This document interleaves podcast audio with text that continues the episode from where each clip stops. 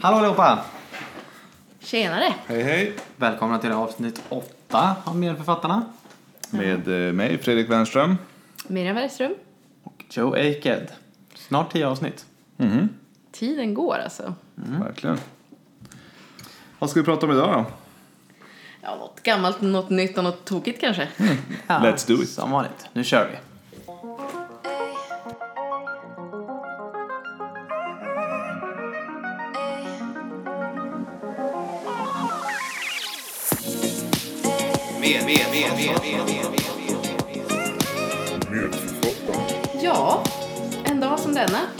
Tänkte jag att jag börjar i de, gamla hjulspåren, eller på att säga. Nej, men jag tänkte att vi ska uppmärksamma det faktum att eh, ballongsprängningen har fyllt 40 år. Ser man. Hin Hindenburg alltså. Ja, det tänker jag då alltså på den där man går in i hjärtat Ja, den. Jag förstår. och spräng. Men eh, det, eller om man ska tänka så är det 41 år sedan den första utfördes, men det är 40 år sedan eh, artikeln publicerades och vi håller oss ju ändå till vetenskapen. Ja. om du har gjort det men inte publicerat, då räknas det inte. Det har inte hänt. Precis. Och det här är- kallar vi väl då, den här ballongsprängningen brukar väl kallas för eh, PCI vanligen ändå i Sverige kan jag tänka. Alltså perkutan koronar intervention. Eh, I den eh, engelska litteraturen så används det här PTCA som är någon perkutan trans eh, luminal koronar angioplastik. Klatschigt. Ja, jag tycker PCI är bättre. Jag kommer nog fortsätta säga det. Men den eh, första utfördes 16 september 1977 i Zürich, Schweiz. Jag tog mig, övervägde att inte ta det här för att jag inte ville säga Schweiz i radio, höll jag på att säga. Säg, men säg det, säg det igen då. Nej, nu är det bra. En, en gång till. En I, Zürich. Och sen får man I ha i, det ligger i... Switzerland.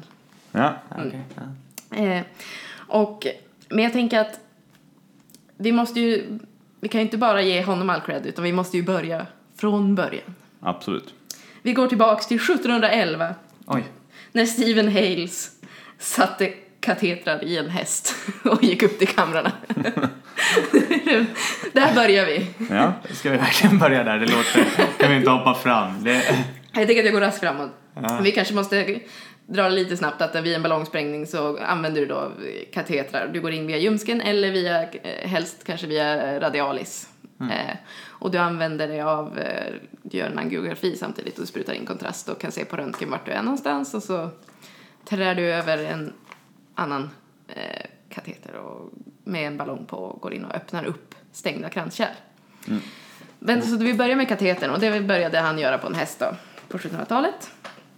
Den första angiografin, som ändå är en väldigt eh, bra förutsättning för att du ska kunna veta vart du ska överhuvudtaget och vart det är trångt och så vidare. Den gjordes 1927 i Portugal.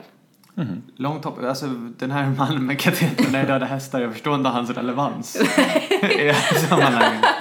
Men det han var den första som eh, Han upptäckte att det gick att stoppa in en, en slang, ifrån, ifrån Och komma upp till hjärtat. och komma till hjärtat. Ja, han kom upp till Då Ja. förstår jag ändå relevansen. Det- Precis. Ja. Han stoppar saker i en häst, det kan man väl göra ändå. Usch, klipp bort. Eh, Absolut inte, kan jag säga.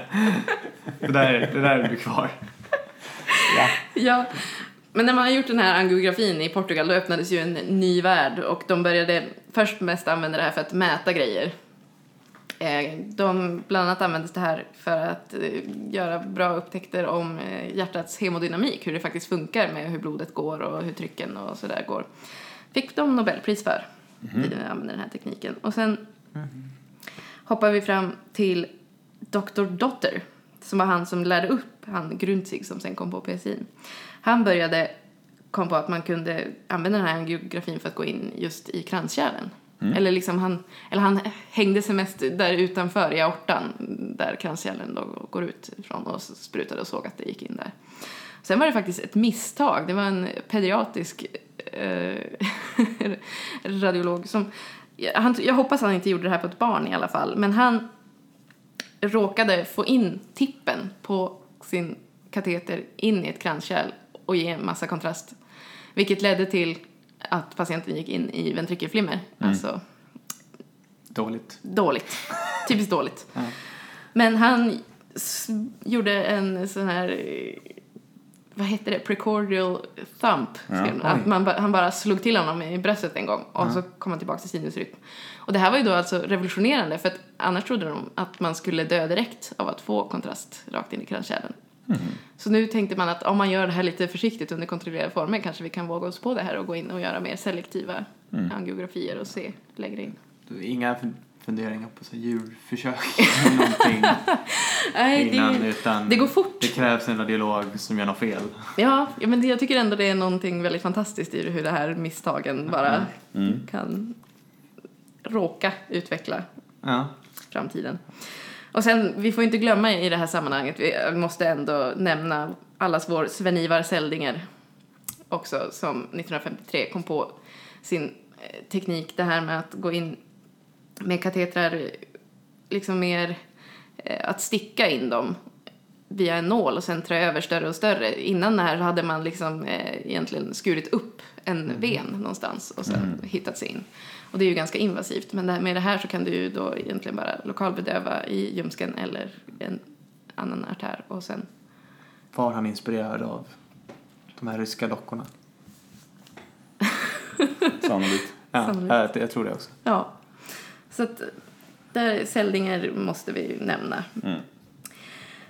Men det var ju, även om alla de här har gjort bra grejer, så det var ändå Dr. Dotter, han började ändå tänka det här med att man skulle kanske kunna öppna upp grejer. Han eh, använde en liten ballong för att öppna upp ett, eh, en stenos i eh, benet, i femuralartären. Det var ju ganska stor och lite mindre på spel kanske. Men sen... Bara, bara ett ben. Ja, ja men hjärtat, det är ändå lite det här med Mm. att man kan dö och så vidare. Eh, Och Grundzig, han beskriver det här i sin artikel då att han använde en sausage-shaped balloon, korvformad. Och den här artikeln som jag hittade upp som heter Transluminal Dilatation of Coronary Artery Stenosis. Den är liksom, jag tycker den är ett konststycke bara i sig att när man hittar den. För det är som en, en gammal inskannad version som det ser ut som att de har liksom eh, droppat något på. Alltså som är fläckig och liksom eh, angiografibilderna är jätte, eh, liksom, Fläckig. ja men det, det är Du liksom. skrev den under ingreppet. Ja, ja, men precis. Så Och så var det, pågick samtidigt som och det var väldigt rakt på sak. Det var så här, ja, så här gjorde vi och det gick bra. Det var ungefär så. operationsberättelse. Ja, men då hade han ändå samlat ihop fem eh, patienter och liksom ändå beskrivit här och har gjort ett. Det var patienter då som hade instabil angina eller stabil angina, det visste man ju inte riktigt då, men eh, de hade i alla fall besvär med kärlkramp och så gjorde man det här och så försvann det. Coolt. Och resten är ju lite historia, men jag tänker jag drar det.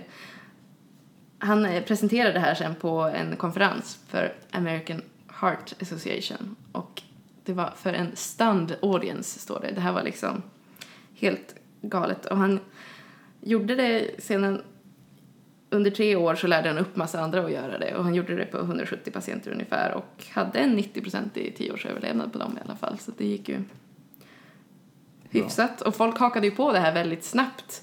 Och redan det här var ju 77 och i mitten på 80-talet så gjorde man 300 000 såna här PCI per år. Oj, vad snabbt man fick Ja. ut folk som ville göra det här. kunde göra det här. Men han eh, Grundzich, hette han så? Var han kardiolog eller var han ra- radiolog? Ja, han var ju faktiskt båda då. Han var båda. ja. Ja. För nu är det ju framförallt kardiologerna Ja. som gör det här. Det är ju lite så radiologerna jobbar, de utvecklar någonting och sen lämnar de över det. så att de, Och gå tillbaka till bilderna. Ja, precis. Nej. Men så vid det laget var det ju, gjordes ju lika många PCI som det, såna här bypass-operationer då, som var det Hur man lång tid efter var det? Bara... Ja, det kan ju inte vara mer än sju åtta år. Ja. Oj. Så det gick väldigt fort och det är lite av kritiken mot det här området att redan då var det liksom lika många som opererades och sen kom stentarna också och tog över helt och den här teknikutvecklingen har ju gått mycket, mycket snabbare än vad man har kunnat göra randomiserade studier, eller riktiga studier. Så att vid det laget du har fått igenom en studie så är den tekniken redan eh, utdaterad. Ja, ja. Så att det man gör har man egentligen inte jättemycket vetenskapligt Nej. belägg för. Och stentar är alltså en liten, en liten eh, bur typ. Ja. Som man sätter på ballongen. Som man blåser upp den lilla buren så håller den kärlet öppet då. Och det, det, finns ju en uppsjö av olika stentar. Precis, för man såg att när man bara ballongade upp den så hade man ett problem med att den kärlet direkt bara kollapsade och stängde sig. Så, men det var det någon som satt och fnulade på det, att man kanske skulle kunna hålla upp den på något sätt. Och, så. Mm. och nu håller man ju på med mm, såna här drug eluting stents så att det ska utsända något läkemedel där på plats. Men det mesta tror man att, att varför det har blivit så mycket bättre med PCI också så snabbt är ju också att man har kunnat utvärdera läkemedel man ska ge efter. Att det är viktigt med mycket eh, trombocythämning efter Mm. så att inte stenten sätter igen. Men också att det här, man höll ju på att ge varan till de här personerna Mm. också. Och sen såg man att nej, det behöver inte. Det går inte Nej. lika bra. Mm. Ja, men det gick fort och är nu standard. Ja. Sju, åtta år var de uppe i 300 000. Ja. Jag känner det går lika snabbt för Trombektomi. trombektomi ja. Mm. Men nu måste ju de ha gått om eh, bypassoperationen Ja, med ja, eh, råge. Längder. Nu är det nästan en diskussion om att man och- gör för lite bypassoperationer för att det är så lätt att göra en PCI. Mm. Men det är fortfarande om man gör CVG på eh, trekärlssjuka och kanske diabetiker. Tvåkärlssjuka plus diabetes. Ja. Det var ganska nyligt att man kom fram till att de har bättre nytta av en operation där man liksom lägger om hela kärlanatomin och- för att de Mm. går inte rädda de gamla. Ja, Mm. Bra. Spännande. det var historiens vingslag. Ja. Ja. Tack. Vingslag? Vad heter det? Vingslag. Vingslag. Ska vi gå vidare till... Något nytt? Ja. Med, med, med, med,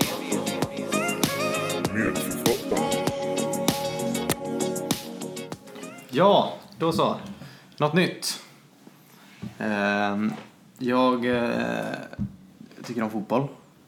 Och när vi spelar in det här avsnittet så är vi, vad är vi, två veckor eller något sånt. En vecka efter Champions League-finalen i fotboll. Mm. Ehm, där Real Madrid vann 3-1 mot Liverpool. Eh, och Liverpools målvakt eh, släppte in två otroligt märkliga mål. Loris Karius. Eh, han eh, ja, sjabblade in eh, en boll från eh, ett skott från jättelångt avstånd Mm. i slutet av matchen och innan dess i matchen så rullade han bara ut den till Karim Benzema, anfallare i Real Madrid. Mhm. Eh, Det är alltså fel. Man ska inte göra så i fotboll. Nej, man ska inte rulla ut bollen till en motspelare som bara kan göra mål i. öppet mål. Det ska man inte göra. Men efter det här så eh, har en eh, expert på huvudtrauma uttalat sig att eh, det kan ha berott på att någon gång i 48 minuten så fick han en smäll mot huvudet. Eh, där han kan ha fått en hjärnskakning. Och de har undersökt honom efteråt och kommit fram till att han har lite kvarvarande symptom med visus, visuspatial förmåga. Eh, som att han, han, han tror att det var en hjärnskakning som gjorde att han Mhm. Visospatial förmåga är ju typiskt bra att ha som, som målvakt. Det är bra förmågor att eh, ha intakta. Och jag tänkte prata lite om eh, det här med hjärnskakningar eh, och, och idrott. Kommer också att tänka på VM-finalen nu när det snart är VM 2014. När Christoph Kramer i Tyskland fick en smäll, eh, gick ut och bedömdes, eh, spelade vidare och i efterhand har sagt att han minns ingenting av finalen. Och eh, frågade domaren ganska snart efter han kom in på plan, eh, är det här VM-finalen? Byttes ut efter en stund igen, men kom ändå in liksom och spelade igen. Ja. Och bara, ja men du, du, vänta nu.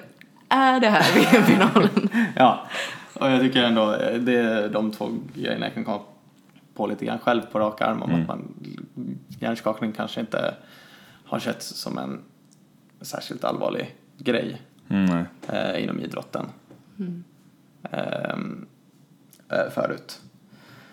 Eh, och eh, då tittar jag lite först på vad som händer vid en eh, hjärnskakning. Och där fanns det någon som hade satt ihop en jättesnygg bild på exakt vad som händer Mm. eh, vid en hjärnskakning i en studie som heter The Dynamics of Concussion. De hade en jättesvår metod för att få ihop hur allt hängde ihop som jag inte riktigt förstod.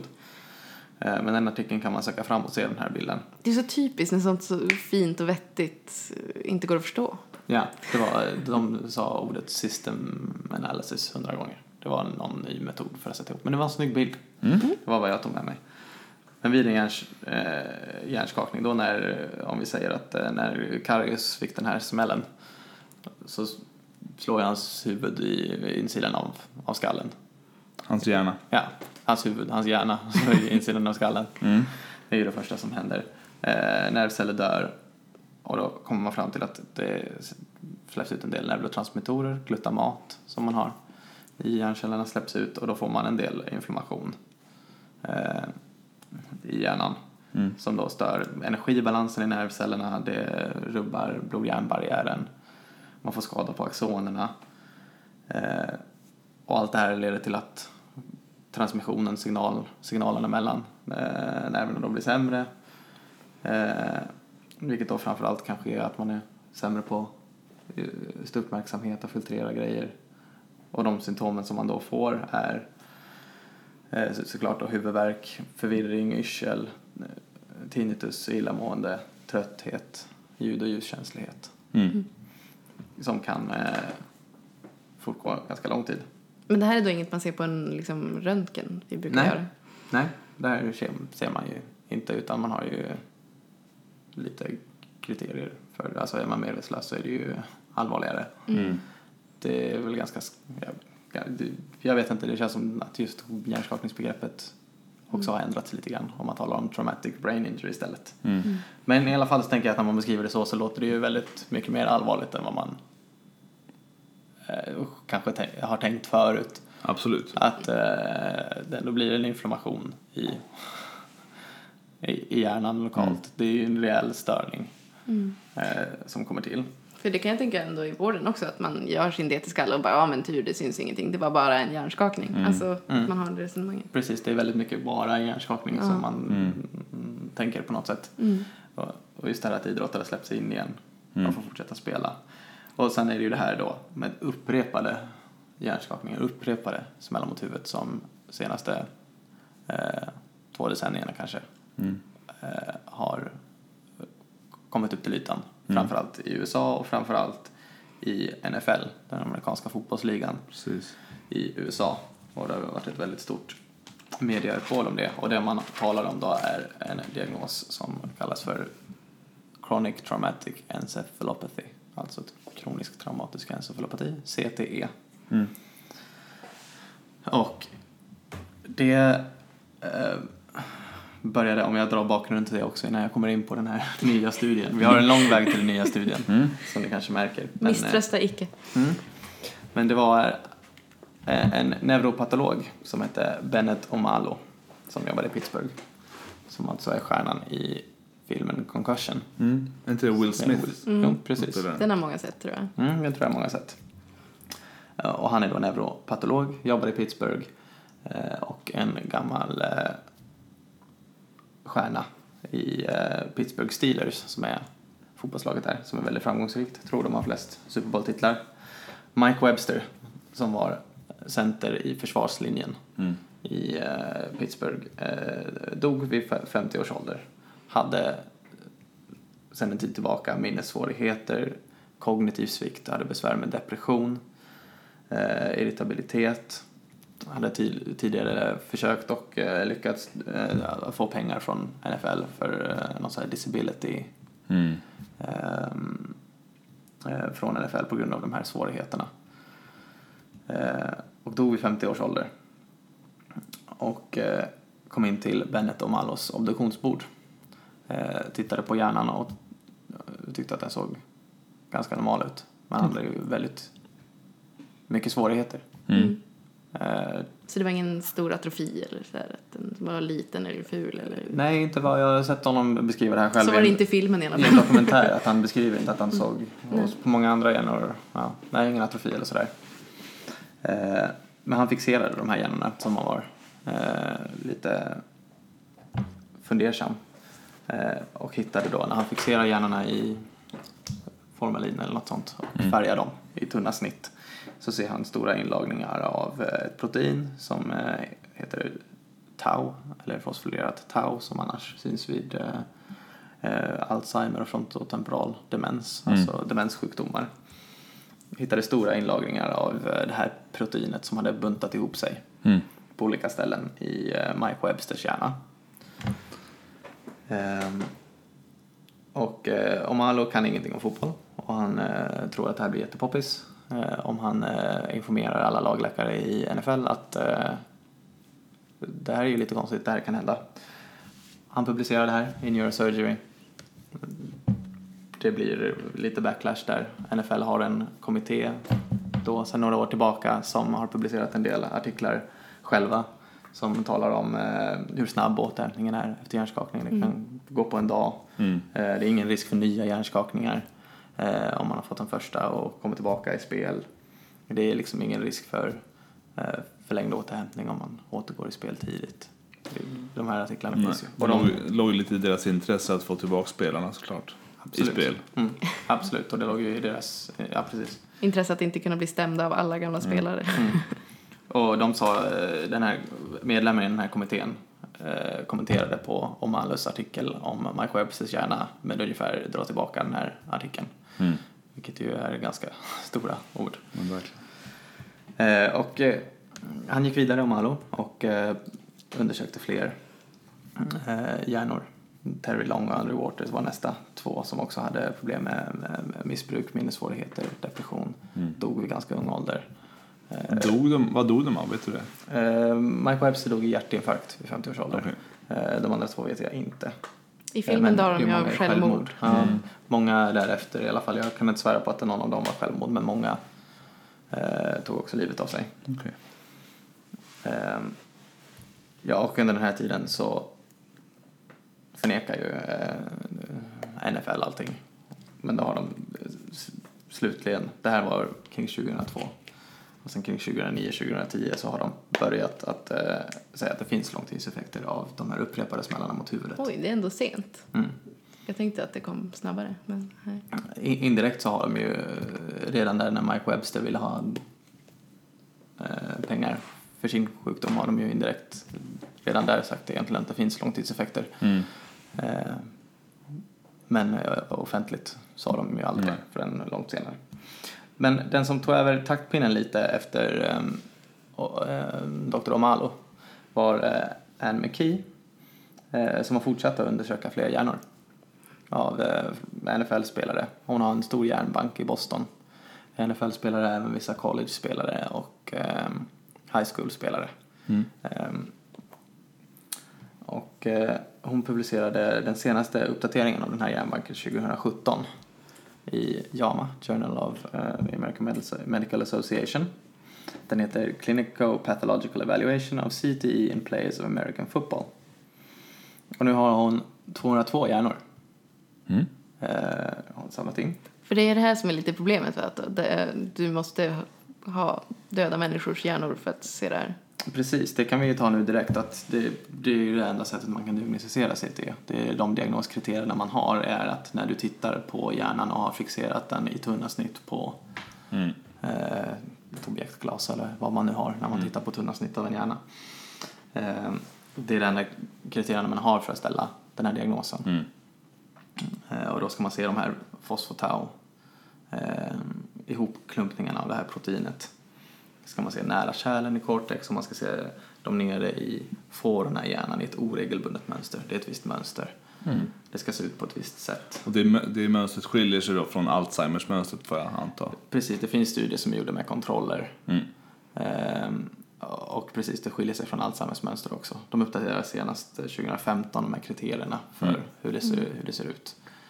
Eh, och det verkar ändå finnas stöd för att det, det skiljer sig från andra det går att slå upp till en diagnos om flera neuropatologer tittar på samma hjärna. Så, Ja, kan de också hitta det. ja, precis. Men det är ju svårt då om du är en pensionerad eh, hockey eller NFL-spelare och liksom vill hävda att du har det här. Mm. Ja, det är ju jättesvårt. Ja. Mm. Mm. Ehm, och de här eh, 202 hjärnorna som de har nu Eh, som är då från lite blandat. Vissa high school-spelare, vissa har bara spelat på college. Mm. Eh, bland alla 202 så är det 87 procent av de här hjärnorna som har eh, CT i någon grad. Mm. Eh, mild eller svår. Av de 111 NFL-spelarna så är det 99 procent, 110 av 111, som har CT. Mm. Dock är ju det här hjärnor som har donerats. Ja, just Så det blir en bias det där. Det här är ju liksom inte prevalensen på något sätt av, Nej. Nej. det, här, det här är inte så många som har CT Nej. i NFL, utan Nej, Det här men rimligtvis så beror ju, om vi nu antar att det beror på hjärnskakningar, så ju längre du har spelat, alla, alla börjar high school, alla spelar college, om de, om de ska komma till NFL måste de ju ha spelat sig genom alla ligor och fått fler och fler smällar. och så tänker jag att olika spelartyper får ju också olika antal smällar, så vore, men nu har de ju inte alla hjärnor. Men en, en eh, quarterback som kanske nästan aldrig får en smäll, mot, eller väldigt sällan i alla fall får en smäll en bra quarterback. en bra quarterback, eller en som har ett bra defensivt Ja. eh, lag, Ja. skulle ju slippa få så mycket smällar. Mm. Medan de som är just, I, de ska ju använda huvudet I nästan. linjen, det är det? ju Mm.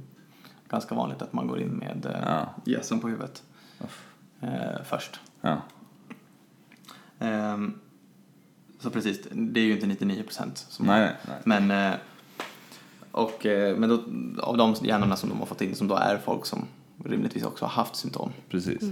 Eh, då var det, medianåldern vid död var 66 år bland eh, de här som donerade sina hjärnor. Eh, 89 procent av de här hade humör eller beteendestörningar. Eh, de som hade, eller av de som hade svår CT, förlåt. De som, när man tittade på hjärnorna, hade mycket tecken på CT. Mm. Där hade 89 procent humör eller beteendestörningar, 95 procent kognitiva störningar. Eh, och så lite mindre då för eh, mild CT. Och man såg också att både beroende på hur lång karriären hade varit och eh, hur hög nivå man hade spelat på Mm. så var det mer svår CT bland de som spelade i NFL och bland de som hade längre karriär. Det är logiskt. Ehm, men det är ju ungefär också där man är fortfarande, Mm. eh, 2018. Ehm, det, nu har man ju de här 202 hjärnorna, men de är ju donerade av folk som har Mm. symptom. Eh, så det här är ju bara dem, men det är ju ändå ganska många. Mm. Det är Eh, ju men, man väldigt vet, aktuellt ändå. mm, men man vet ju inte hur vanligt det är egentligen då. Nej. Eh,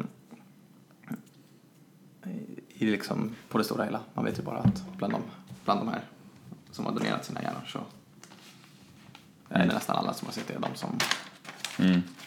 Väljer rätt. Och eh, ja, där har ju uppmärksammats lite i, som du sa Miriam, i hockeyn också. Ja, det är väl han Sanny Lindström. Så är väl gammal hockeyspelare som nu är mer eh, ja, tv-profil. Har ju gått ut och berättat om hur han har mått nu efter sin karriär med Mm. depressioner, humörsvängningar och men någon sorts trötthet. Att han inte orkar liksom alls lika mycket som Mm.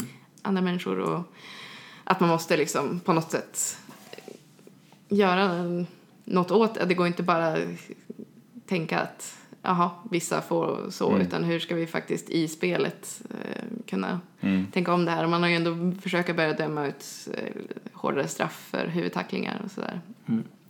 Och jag tror man gör sådana förändringar i fotbollen Mm. också. Man har ändrat lite på sina guidelines på när folk får återvända till spelet. Mm. Eh, och jag tror jag såg häromdagen, det glömde jag kolla upp igen, men att eh, man eh, skulle införa något slags straff för eh, just att liksom inleda med gässan. I amerikansk fotboll tacklingar, ja, pratar vi. Jag tänkte amerikansk. bara säga, det var ett Ja, konstigt move. i Ett Zidane-move i fotboll. Men i hockeyn finns ju också um, en känd som är lite hockeyns Mike Webster, om man kan säga så. En Derek Bogard i NHL eh, som var en, en slags kämpe Mm. NHL. Eh, slogs mycket, som också fick precis samma Mm. besvär. Jag hörde en intervju med eh, Luleå, Luleå Hockeys eh, la, lagläkare för några år sedan. Mm. Jag kommer inte ihåg vad han heter, men han är en eh, duktig, duktig idrottsläkare. Eventuellt professor till och med i idrottsmedicin. Och han, de, han, fick fråga, han pratade just om det här med Mm. hjärnskakningar och risken för att få, när man har fått en så får du en till, att det liksom, de pålagras och blir värre och värre. Och han, då frågade de honom, skulle du vilja att dina barn spelade hockey? Och då svarade han lite dip- diplomatiskt typ att ja, de gör ju lite grann vad de vill såklart men, men om de frågar mig så skulle jag säga nej. Jag tycker inte att de ska hålla på med hockey. Det är ändå ganska Ja. radikalt. En person som ändå antar jag älskar hockey rätt mycket och är lagläkare, han tycker att det är för farligt. Liksom. Mm. Skellefteås lagläkare har ju sina, sin son redan i hockeyn som kanske inte vågar säga någonting. Nej. De är ju mer så här, ja men man följer järntrappan och så. Alltså de har ju ändå protokoll för att man inte ska tillbaka direkt men det blir, du kan ju på, inte på något sätt skydda dig direkt mot att det ska hända liksom. Nej. Och det pratar de ju mycket om, att man måste få till en liksom, attitydförändring överlag, alltså inte Mm. bara bland spelarna men också i publiken och liksom vad man... Mm. Men det tycker jag liksom är lite läskigt att de här liksom ångloken, NHL, NFL, alla liksom stora idrottsligor tuffar på och så finns det här, man vet inte hur vanligt det är. Nej. Man kan inte diagnostisera det förrän personen är död. Och man vet inte riktigt hur man förhindrar det heller. Det känns lite sådär. Nej. Det som behövs både inom CT kanske och även kanske demens, Alzheimers eh, diagnostiken skulle ju vara prov på levande patienter. Så att man skulle kunna ta ett blodprov då, på något. Det är svårt att ta hjärnprov. Mm. Det vore ju bra. Det finns ju ett nytt, jag vet inte hur nytt det är, ett prov som heter S100B Mm. För, eh, som man kan ta vid, precis vid huvudtrauma för att man använder det väl mest Det är väl om man har låg misstanke Precis, att... låg misstanke, inga CT-förändringar. Så kan man ta det tror jag för att veta om man kan skicka hem en patient. Mm. Jag har nog aldrig tagit det Det faktiskt. vore ändå intressant att bara följa det över en längre tid på liksom Mm. elit eh, och Ta det efter, efter varje match och se Ja. hur det... Hur, vad som händer egentligen. Mm. Mm. Ja. Det vore ett spännande Vi har lite beställningar för framtiden då. Ja, men jag kan eh, rekommendera om man är intresserad dokumentären League of Denial som finns på Frontline som handlar om hela eh, Omalu och eh, McKee och NFL. Okej. Och sen då, även då den här filmen vi pratade om som heter Concussion. Ja, Som är en dramatisering. och de har väldigt talande intervjuer med Mike Webster med i den filmen. Ja, just det. Så dokumentären är lite mer djuplodande och Den är korrekt kanske. väldigt, väldigt djuplodande. Ja. Så den var väldigt bra. Ja. Och så finns det även en dokumentär om Derek Bugard om man hellre ser på hockey. Tack. Ja. Ja, Tack. Då ska vi... Avslutar vi med något lite mer. Något lite mer positivt.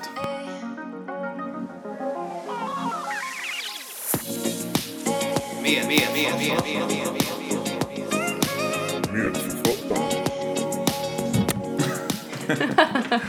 Yes. På, eh, på allmän begäran får man väl säga. En av våra lyssnare har faktiskt hört av sig på Instagram tror jag det var. Jo, det var det. En eh, lyssnare som heter Lars. Och eh, han ville gärna veta hur vi i medförfattarna, vad vi, hur vi ställer oss i frågan om den finska bastustudien skrev han. Eller bastustudien från östra Finland. Och eh, jag tror inte att någon av oss kände riktigt att vi visste vilken studie han pratade om då. Men det vet vi nu. Eh, Det är nämligen en studie som kom ut nu i 2018 i en tidskrift som heter Neur- Neurology. Och den heter eh, Sauna bathing reduces the risk of stroke in Finnish men and women. Alltså eh, bastubad minskar risken för stroke hos män och kvinnor i Finland. Och eh, den här studien gjordes då som sagt i östra Finland på 1628 vuxna finska män och kvinnor som var mellan 53 och 74 år gamla. Och de hade ingen känd historik av stroke, någon av dem. Och man, man gjorde så helt enkelt att man för ganska många år sedan frågade dem hur, hur ofta badar du bastu? Och eh, då fick de, det var ingen som inte badade bastu alls. Att de kunde inte ha den Nej, kontrollgruppen. så det fanns ingen kontrollgrupp som inte badade bastu i östra Finland. Det är otänkbart tydligen. Så att det, man, man kunde bara dela upp dem i tre grupper och då valde man att dela upp dem i grupperna. De som bastar en gång i veckan, eh, en grupp som bastar två till tre gånger i veckan och en grupp med fyra till sju gånger i veckan. Det minsta alltså en gång i veckan. Ja, det minsta en gång i veckan. Annars är man inte en... Eh, annars, Bor man inte i östra Finland. annars bor man inte i östra Finland kanske. Man räknas inte i befolkningsstatistiken. Typ. Får inte rösta. Eh, så eh, och det var alltså egentligen, det var inte gånger i veckan, det var session, eller dagar utan sessioner. Men man kanske kan anta att man bastar inte mer än en session om dagen. I alla fall. Jag har ingen aning om. Nej. Nej, Men eh, så tre grupper och eh, sen följde man de här personernas under liksom en uppföljningstid som blev i, medeltal 14,9 år. Så en rätt lång studie som har pågått då sen, sen 90-talet kanske till och med vissa. Ehm, av, Så ändå här, prospektivt. Ja, av de här 1628 s- patienterna så var det 155 fall av stroke. Och ehm, då såg man att eh, man justerade bort eh, kardiovaskulära risker. Man, man justerade för fysisk aktivitet och för eh, socioekonomisk situation. Och man såg att det var de som bastade fyra till sju gånger, alltså de som bastade mest, hade en minskad risk, en betydligt minskad risk att få en stroke jämfört med de som bara bastade en gång i veckan. Eh, Den risken var 0,4 gånger då för de som bastade ofta. Så ehm, vad tänker ni om det? ja. Det är jättesvårt.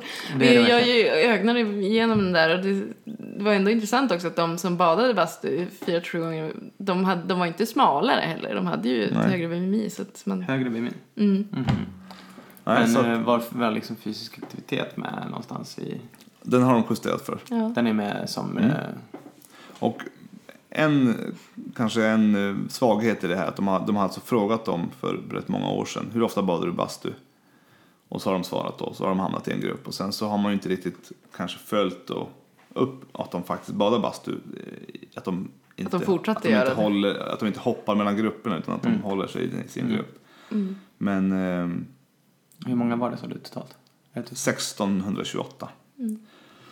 Så att eh, man såg eh, man såg som sagt ingen skillnad mellan män och kvinnor. Man, ingen statistisk skillnad i alla fall och ingen eh, Var det någon liksom... Eh, mellan dem... Det var tre grupper. tre grupper. Ja. Var det liksom någon trappa i stroke-risken? Eh, vet jag faktiskt inte. Jag tror inte att det var statistiskt Nej. signifikant f- mellan eh, mitten, mittengruppen var liksom Nej.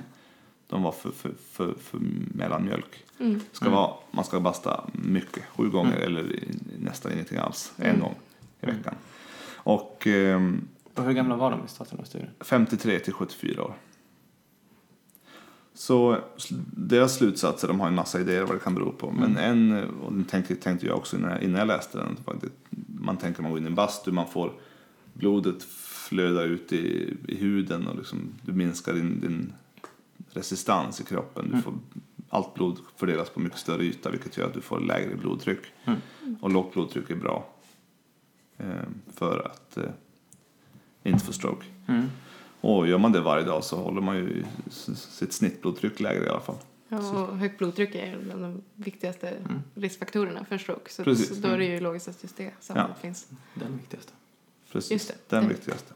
Så eh, det, det är väl möjligt att det är det då. Att det är den stora vinsten.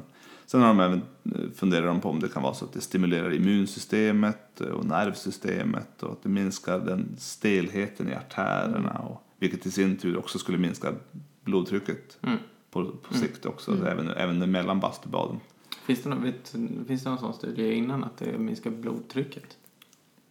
Ja, de har ju refererat till massa tidigare Mm. studier de har gjort. Så man, eh, Att bastubad minskar blodtrycket?